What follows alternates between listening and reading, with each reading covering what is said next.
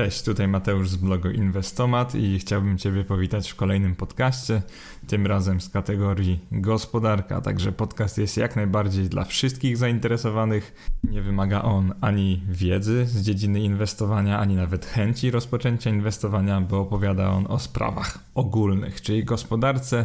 Ten akurat będzie o gospodarce, można powiedzieć, politycznej, ponieważ Temat podcastu to skąd rząd weźmie pieniądze na tarczę antykryzysową. Pewnie każdy z Was słyszał już o tym, że rząd desperacko potrzebuje pieniędzy. Pytanie brzmi, ile pieniędzy potrzebuje? No, prawie tyle, co równowartość całego budżetu przewidziana na ten rok ponieważ jak podają różne media, koszt całej tarczy antykryzysowej, czyli tej wersji 1.0 oraz tej wersji 2.0 wyniesie około 310-330 miliardów złotych wobec budżetu państwa zaplanowanego na 435 miliardów. Czyli jak już widzisz, jaka to jest skala, to możesz sobie wyobrazić tak – Rząd desperacko potrzebuje pieniędzy i wierz mi, będzie ich szukał w różnych miejscach. Ten podcast jest po to, żeby wyjaśnić Tobie, wyjaśnić Wam, w jakich miejscach rząd może tych pieniędzy szukać oraz w jakich powinien. Ten podcast podzielę na dwie części. W pierwszej z nich opowiem Wam o wszystkich według mnie siedmiu źródłach, z których rząd może te pieniądze zyskać. Następnie w kolejnej, czyli w drugiej części ocenię wpływ na wizerunek rządu, czyli szkodliwość każdego z tych, z, z, tak naprawdę zaczerpnięcia z tych źródeł oraz to, ile pieniędzy można z tych źródeł wykiełznać, czyli jak bardzo można tę, tę dziurę załatać. Przejdźmy teraz do części pierwszej, czyli do wszystkich możliwych źródeł. Pierwsze pytanie brzmi: czy koszt całej tarczy antykryzysowej będzie pochodzić z budżetu państwa? I tutaj Money.pl podało, że blisko tak naprawdę 1 trzecia kosztów tej tarczy 1.0, czyli około 70 miliardów z tych 212, będzie musiało pochodzić z budżetu, resztę się jakoś tam wymyśli, jak to załatwić różnymi przeniesieniami między NBP, czyli Narodowym Bankiem Polskim, a jednostkami rządowymi. I teraz nie tak dawno temu doszła do tego ta tarcza 2.0, która sama w sobie też kosztuje około 100 miliardów, więc jakbyśmy nie estymowali, pełen koszt tarczy to jest jakieś 310-330 miliardów złotych, czyli bardzo dużo. To jest prawie tyle, ile wynosi cały budżet państwa na obecny rok. I jeżeli teraz chcielibyśmy te pieniądze skądś wziąć, to prawdopodobnie część z nich pójdzie, przyjdzie z budżetu państwa.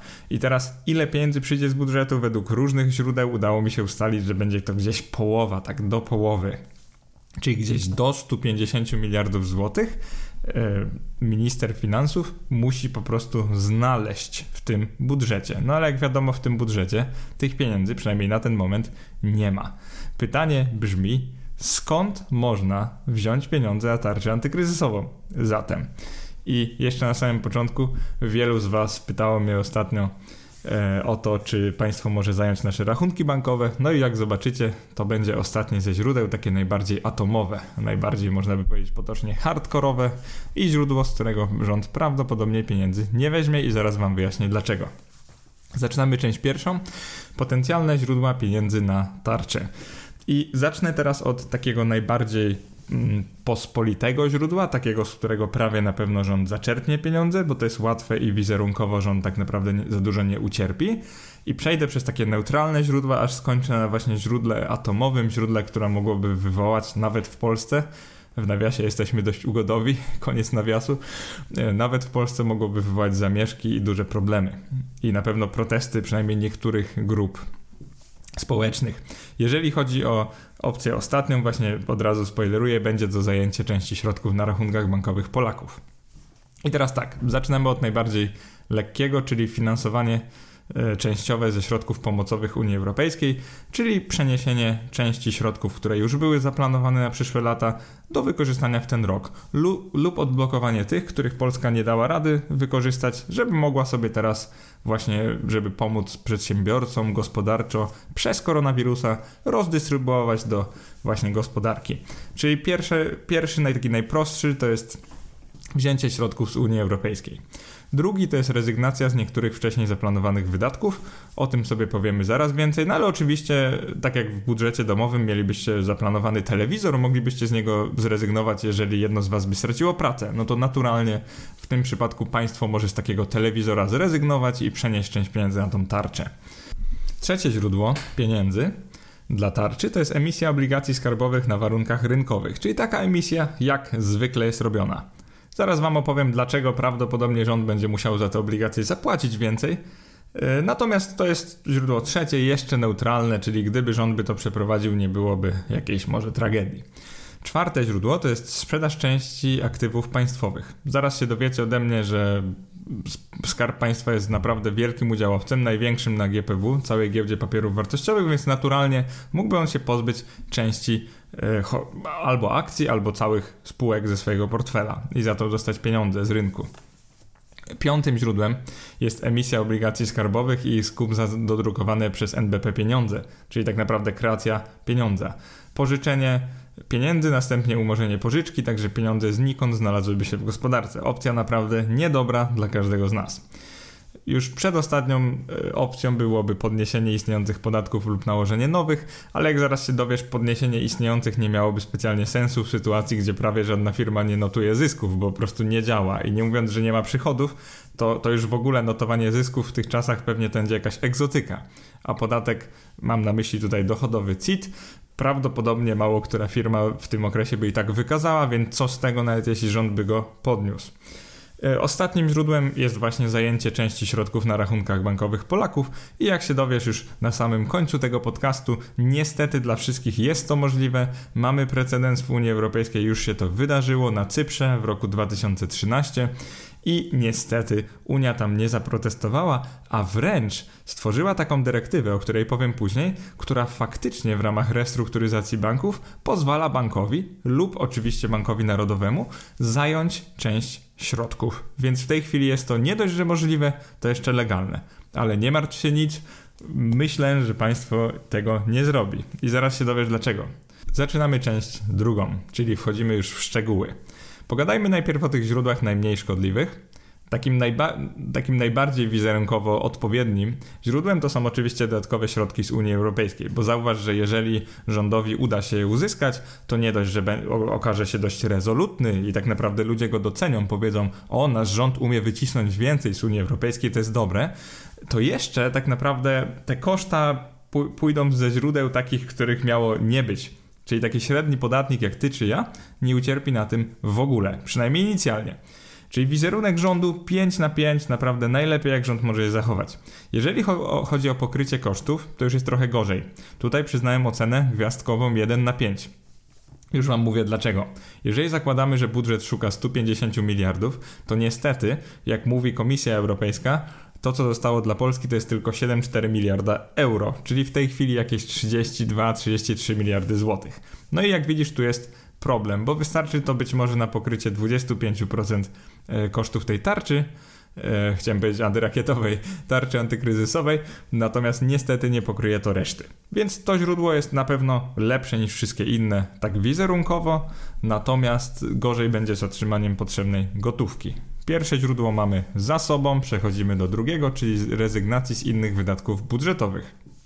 Ta pozycja jest dość ciężka do przeanalizowania, bo zauważcie, że w budżecie mamy bardzo wiele różnych pozycji, natomiast większość z nich, takich jak wojsko, policja, chociażby szpitale, no w tej chwili zwłaszcza szpitale, granice, utrzymanie dróg i tak dalej, to są pozycje, które po prostu, no, no nie można ich ruszyć, tak? To są pozycje nieruszalne.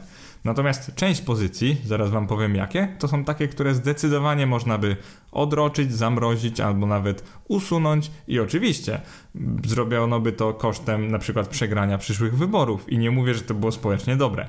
Natomiast chciałbym Wam powiedzieć, że te koszta też można porzucić. Tak naprawdę budżet jest bardzo rzeczą luźną i w każdej chwili można część założeń porzucić i zmienić. Teraz, co mógłby zrobić rząd? Skąd z budżetu rząd mógłby czerpać pieniądze na, na tarczę antykryzysową? Pierwszą pozycję, która pewnie interesuje Was wszystkich, to jest program 500.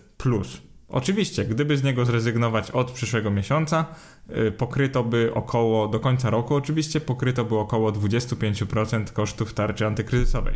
No i widzicie, czy to dużo, czy mało? No, ciężko powiedzieć, zwłaszcza, że tarcza antykryzysowa być może pożre o wiele więcej pieniędzy. To nie jest y, podcast o sensowności programu 500, więc każdemu z Was zostawiam to dla siebie. Tylko chciałbym powiedzieć, że gdyby z niego zrezygnować, to byśmy uzyskali trochę gotówki na tarczę antykryzysową.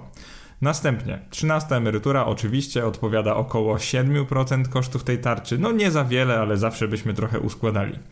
E, tu chciałbym nadmienić, że gdyby rząd pokusił się o właśnie wyłączenie tych dwóch programów bonusów, to tak naprawdę straciłby tyle głosów, że no, zwyczajnie by tego nie zrobił. Jak zobaczycie, zaraz rząd może zrobić inne rzeczy i też te pieniądze e, uzyskać bez utraty tej dominacji e, w wyborach, tak? Czyli powiem Wam szczerze, że wątpię, że rząd zrobi jakiekolwiek z tych rzeczy. Następnie, co jeszcze z budżetu można by uciąć? No oczywiście inwestycje infrastrukturalne. Nie mówię o tych rozpoczętych, tylko o tych, które się rozpoczynają. Można by przesunąć część z nich y, w przyszłości.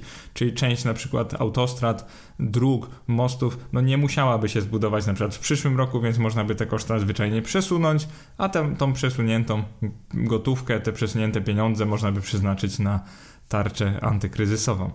Y, taką ostatnią rzeczą, która co prawda odpowiada tylko 3% tarczy antykryzysowej, to, to są wydatki na kulturę i naukę i mam na myśli tą, nie, tą część z nich, których nie trzeba pokrywać, czyli jakieś festiwale, y, naukę oczywiście nie mówię, że to są pensje dla nauczycieli, tylko to jest wszystko poboczne, które jest takie, no można by to przesunąć na kiedy indziej.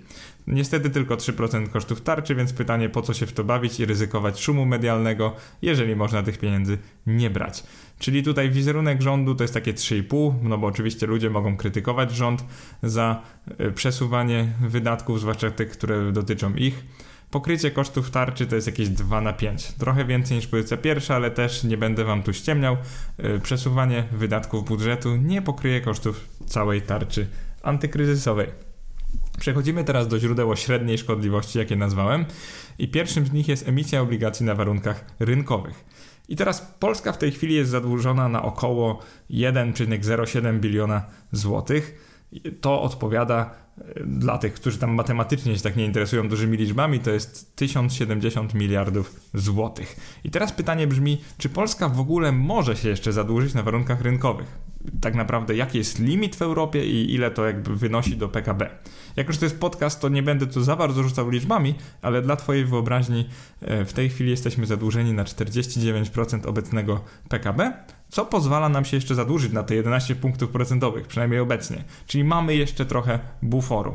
E, we wpisie zamieściłem taką fajną naprawdę e, tabelkę, taki fajny wykres pokazujący na ile procent PKB zadłużony jest prawie każdy kraj europejski. To jest bardzo ciekawe, bo zobaczycie, że większość z tych krajów po prostu łamie te reguły wewnętrzne Unii Europejskiej. Oczywiście nie wszystkie kraje, które tam dałem są w Unii, ale dla Was jako taki naprawdę e, śmieszny fakt zachęcam do spojrzenia we wpisie, bo okazuje się, że większość krajów unijnych, a zwłaszcza starej Unii, czyli tych dominujących krajów po prostu łamie tą regułę 60%. No ale jak widać Polska posłusznie się jej trzyma. I teraz tak ile około wynosi PKB Polski w tej chwili. Produkt krajowy brutto to jest, mm, wyobraźcie sobie, 2,4 biliona. To znaczy, że możemy się zadłużyć na około 1,4 e, biliona. Jesteśmy zadłużeni na około biliona, więc bez już zbędnej wielkiej matematyki, to co chcę Wam przekazać, to jest to, że w tej chwili nasz rząd mógłby spokojnie się zadłużyć na warunkach rynkowych, na przykład wyemitować obligacje i sprzedać je inwestorom instytucjonalnym albo zagranicznym. Oczywiście, jeżeli emitujesz tak dużo obligacji w jednej chwili, to prawdopodobnie inwestorzy będą wymagali takich wyższych stóp e, procentowych, wyższych stóp e, zwrotu niż z normalnych obligacji, które detalicznie, powolutku sprzedajesz inwestorom. I teraz, co to znaczy e, wyższych stóp zwrotu?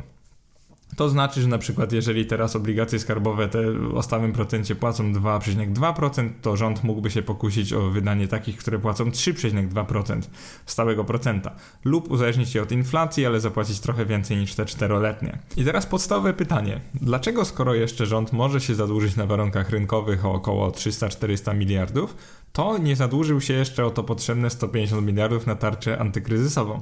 I tutaj mamy dwa powody. Zauważcie, że ten bufor, czyli e, dług publiczny do PKB 60%, on dotyka PKB. A jak myślicie, co się stanie z PKB, jak nasza gospodarka jest zamknięta przez dobre parę miesięcy? No to wam odpowiadam, prawdopodobnie ono spadnie. Teraz nie wiadomo o ile spadnie, ale dajmy na to, że spadnie ono w tym roku o 10%. To by znaczyło, że ten bufor wydatkowy do pożyczania się mamy już o wiele niższy. Oznacza to, że jakbyśmy się zapożyczyli na przykład o 200 miliardów w tym roku, a w przyszłym roku okazałoby się tak PKB w roku ubiegłym, bieżącym, mam na myśli 2020, e, było o 10% niższe niż rok wcześniej. Oznaczałoby to, że ta lampka ostrzegawcza tak naprawdę już by się zapaliła. No a tego nie chcemy, więc rządzący będą uważać, żeby się zadłużyć takim prawdziwym pieniądzem. Następnie, zadłużenie rynkowe trzeba spłacać. No tak, to jest dość logiczne, prawda? A obsługa długu kosztuje. Obecnie kosztuje nas 27 miliardów złotych i to jest mniej więcej tyle, co połowa kosztów programu 500. Czyli to jest naprawdę sporo. I teraz patrzcie, im większy dług, im wyższy dług, tym wyższe odsetki w przyszłych latach. Nie mówiąc o tym, że mamy rekordowo niskie stopy procentowe, jak one w końcu wzrosną, to rząd też będzie musiał płacić więcej za swój dług. No a oczywiście nie chcemy mieć takiej pozycji, która po prostu kosztuje, bo byliśmy nierozsądni wcześniej, bo się zadłużaliśmy, a ta pozycja bezpośrednio nic nie daje naszym obywatelom. Po prostu musimy ją pokrywać, bo byliśmy mało rozsądni. Dlatego zadłużanie się na warunkach rynkowych oceniam na 3 na, 3 na 5, jeżeli chodzi o wizerunek rządu, bo tak naprawdę rząd i tak to robi, więc nie miałoby to jakichś strasznych obostrzeń. E, następnie pokrycie kosztów 3,5 na 5, czyli tutaj widzicie, że kombinacja tego i na przykład środków z Unii mogłaby pokryć koszty, koszta całego programu i to jest bardzo ważne. E, mam nadzieję, że rząd użyje tego jako głównej opcji, ale jeżeli nie, no to przejdźmy dalej do tych źródeł już nieco gorszych. Następna jest sprzedaż aktywów państwowych, dalej podchodzi w te średnie, średnio destruktywne źródła. E, I teraz tak, nie wiem, ile wiesz o tym, o skarbie państwa i o akcjonariacie w spółkach giełdowych, ale on jest y, zdecydowanie największym udziałowcem na całej warszawskiej giełdzie papierów wartościowych i w tej chwili jego udziały są warte około 63 miliardów złotych. A w rzeczywistości, czyli jak patrzymy na wartość księgową spółek, jest to pewnie dwukrotnie albo nawet trzykrotnie więcej. Po prostu te spółki są słabo wyceniane z wielu powodów, ale zaraz też, usłyszycie o, o jednym z nich.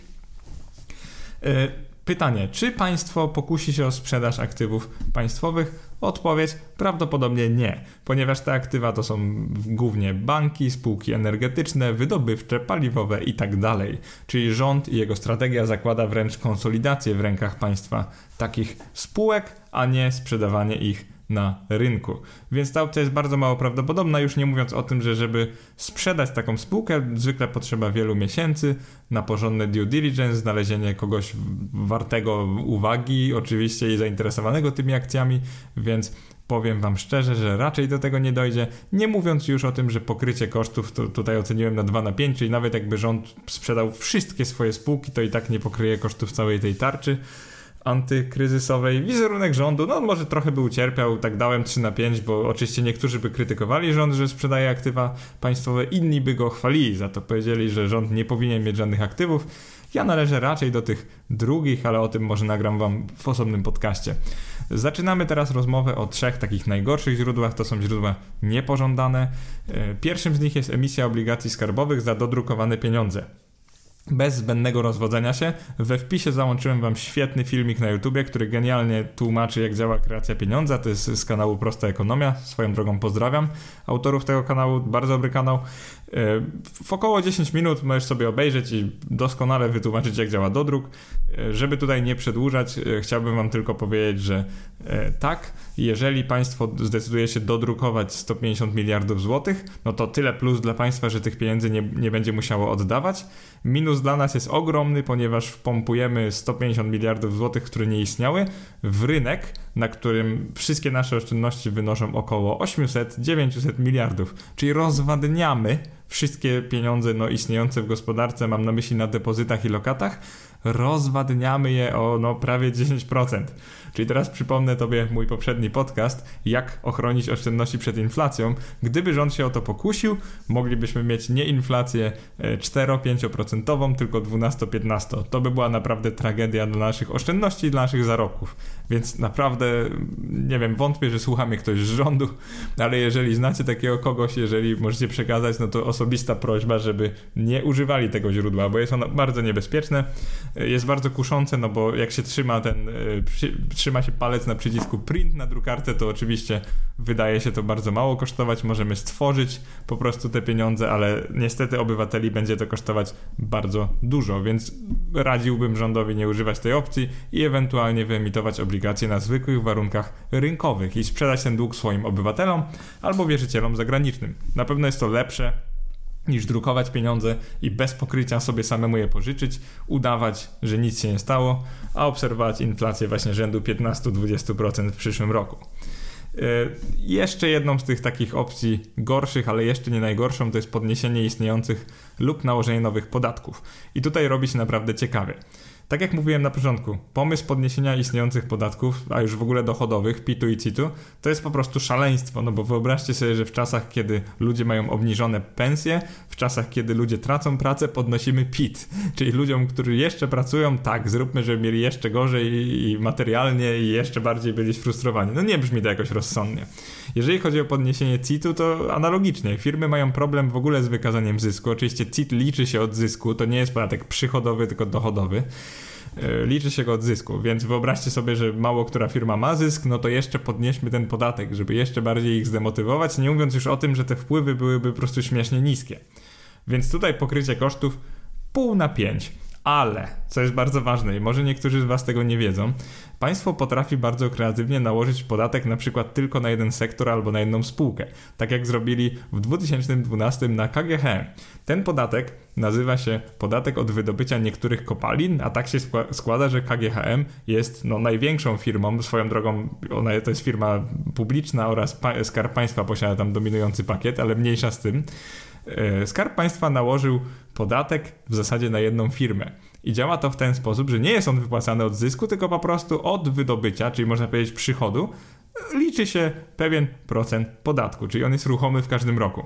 We wpisie załączyłem tabelkę, żeby pokazać Wam, jak to działało, ale teraz w podcaście tylko powiem Wam tak. Skarb Państwa był dominującym akcjonariuszem, dalej jest 32% akcji w tym momencie. Od 2005 do 2011 KGHM notował coraz lepsze wyniki. Zysk był coraz lepszy. Dywidendę, czyli udział w zysku, wypłaca się właśnie od zysku. To jest dość logiczne, nie?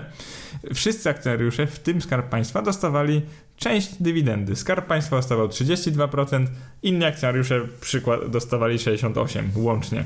Czyli dam Wam przykład. W 2011 Skarb Państwa dostał prawie 2 miliardy takiej dywidendy, to jest bardzo dużo swoją drogą. Natomiast yy, inni akcjonariusze dostali, tu jest prawie 4 miliardy, no bo mieli więcej akcji. Y, po nałożeniu tego podatku od niektórych kopalin, od wydobycia niektórych kopalin, Skarb Państwa co roku dostaje przynajmniej tam półtora miliarda złotych, natomiast inni akcjonariusze nie dostali już prawie nic od już będzie 7 lat. W tabelce macie to świetnie opisane, więc nie będę przedłużał.